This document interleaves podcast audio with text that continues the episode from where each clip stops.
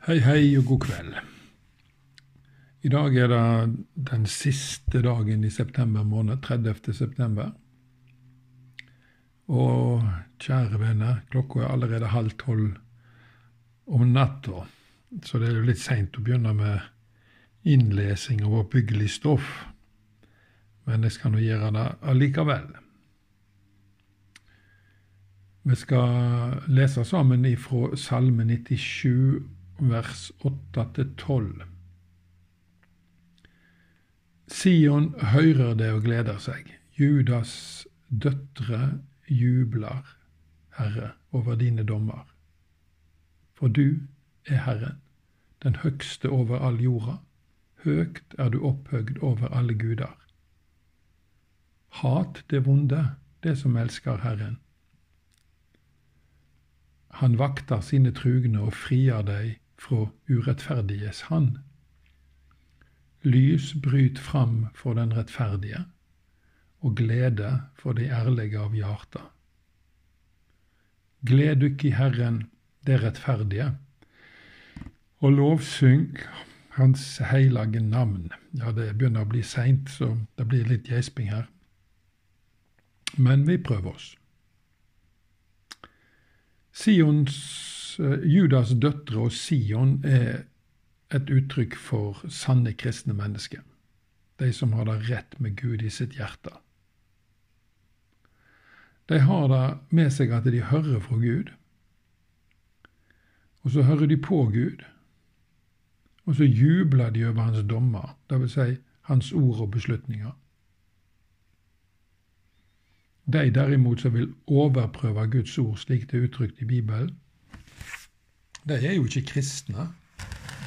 Og de har jo ikke Guds ånd, for Bibelen har sitt opphav i Guds hellige ande. Og alle som har Han i sitt hjerte, jubler over Herrens dommer. Vers 9 lærer oss at Israels Gud, han som i Nytestamentet blir kalt for vår Herre Jesu Kristi Far, han er den eneste sanne Gud, han er Herren, og han er høgt opphøgd over alle guder. Kristendommen er den eneste sanne religion i hele verden. Alle andre er løgnreligioner. Og gudene deres er løgnguder, tomme avguder. Og de som tror på de blir like tomme som avgudene er. Som jeg har skrevet før, religionene krever av deg at du skal fortjene det evige livet med å oppfylle spesielle bud og krav. I kristendommen er alt av nåde, og Guds frelse er gaver som vi får ta imot i tru. Fantastisk, rett og slett. Du trenger ikke være religiøs for å være kristen. Alle som har erfart Guds enorme godhet, vil automatisk hate det vonde, det destruktive, det mørke og skremmende. Det er mye av det her i verden, men vi hater det. Det er et hat som er godt, og det er hatet mot det vonde. Så når salmisten sier 'hat det vonde', så sier vi som elsker Herren, selvsagt gjør vi det. Det skulle bare mangle. Vi har møtt så mye godhet hos Gud, og vi elsker det som er godt. Men å hate det vonde er ikke bare å kjenne seg frastøtt fra det, av det. Det er rett og slett å gå til angrep på det og beseire det. Det er å kjempe en uforsonlig kamp mot alt sånt. Enten det er mobbing, hat, bedrageri, baktalelse, abort, svik, utruskap, vold eller raseri. Det er mye av det i denne verden. Og når vi tar tak i det, så trenger vi til de grader Siste delen av verset der det står at Gud beskytter oss, at Han befrir oss ifra de urettferdiges hender. Mange gode, truende mennesker sitter i fengsel i dag fordi de har kjempa sammen med Jesus mot det vonde og for det gode. De er forfulgt. for sin tru. Og vi kan be for deg, Herre, fri de ut i henhold til ditt ord. Vers 11 er flott. Lys er et samlebegrep for alt godt som Gud deler med sine barn. Når Guds lys stråler fram for oss, forstår vi at Gud elsker oss. Og så forstår vi hva han vil at vi skal gjøre. Det er mye ledelse i lys. Lyset lyser opp, så vi, vi ser ting. Ikke sjelden kommer Gud med lys til oss når vi er på mørke plasser i livet. Der det ikke er noen glede, der kommer han med sin glede til alle som er ærlige og redelige i sin kristendom. Dette opplever de forfølgte, fengsla kristne mye av. En av heltene mine heter Rikard Wormbrandt. Han er nå død nå, da. Satt 14 år i rumensk fengsel fordi han talte evangeliet så frimodig. Tre av de åra måtte han være i enecella. Han var ille plaga, men han skriver at han erfarte en glede fra Gud av en sånn art at det ikke kan forklares med ord. Og han var ikke aleine, sa han. Det var vanlig at kristne som var fengsla, hadde det sånn. Men han legger òg til at fristelsene og prøvelsene kunne være helt ubeskrivelige. Så det var ekstremt på alle fronter.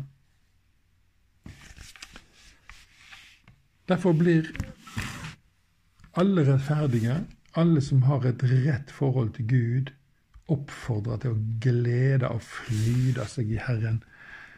Paulus skriver også om dette i Filippa-brevet. Gleden, vet du, er kristne menneskers varemerke.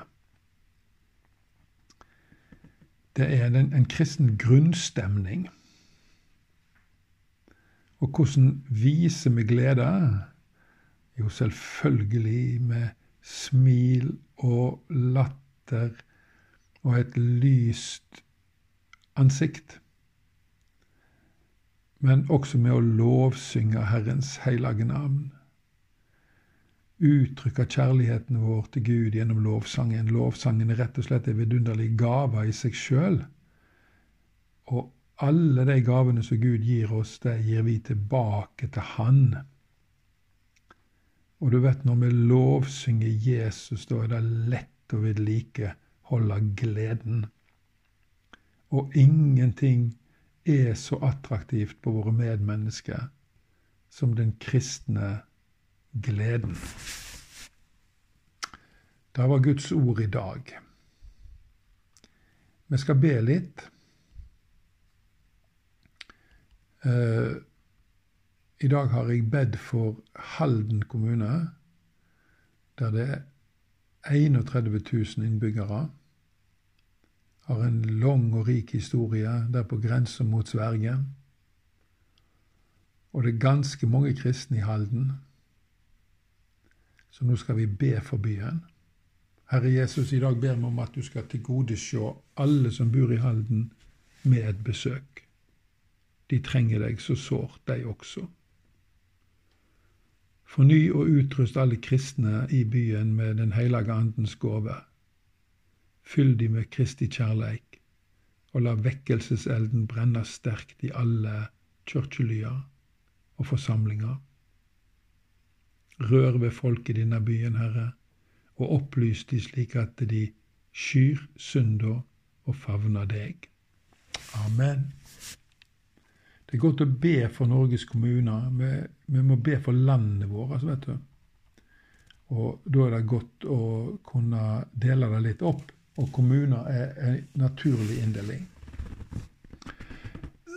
På Filippinene så er det et ganske fattig folk som heter Hanuno-folket. Hanuno. Det er ikke mange av de, 23 000, men det er mange nok. Disse er animister. De tror på stokk og stein og avguder og avdøde fedre. 4% av de er kristne. Derfor er de regna som et unådd folkeslag, for det må være minst 5 hvis vi skal se på de som nådde. 1 er evangelisk kristne. Hanuno snakker sitt eget språk, og Det nye testamentet er faktisk omsatt til dette språket. Men problemet er vel at en god del av de, og de fleste kanskje, ikke kan lese. Derfor så er de avhengig av at eh, evangeliet kommer til dem i muntlig form. De ekstremt fattige, som sagt, de har ikke tilgang på utdanning, medisiner og andre ting som er helt sjølsagte for oss. Og Det betyr nok at levealderen deres er relativt låg. La oss be for Hanuno-folket. Herre, du elsker dette folket, og du betalte for deres synder på korset, slik som du gjorde for oss. Send noen av dine erfarne og trufaste tjenere til de kristne som kan elske de, bo sammen med de, lære språket deres, dele evangeliet med de og etablere en levedyktig menighet i dette folket. Da ber vi om i navnet ditt. Vi ønsker oss å se Hanuno-folket løfte opp av eh, hengemyra som de har vært i så altfor lenge. Herre, velsign dem. Vår Far i himmelen, lat navnet ditt helgas, lat riket ditt komme, lat viljen din råde på jorda så som i himmelen. Gi oss i dag vårt daglige brød, og tilgi oss vår skyld, som vi òg tilgir våre skyldnere. Og lat oss ikke komme i freisting, men frels oss fra det vonde. For riket er ditt, og makta og æra i all eva. Må Herren velsigne deg og bevare deg. Må Han la sitt ansikt lyse over deg og være deg nådig, må Han løfte sitt åsyn på deg og gi deg fred. Amen. Takk for at du tok deg tid til å lytte til dagens podkast. Og du er hjertelig velkommen neste gang jeg er på lufta. Ha ei god natt.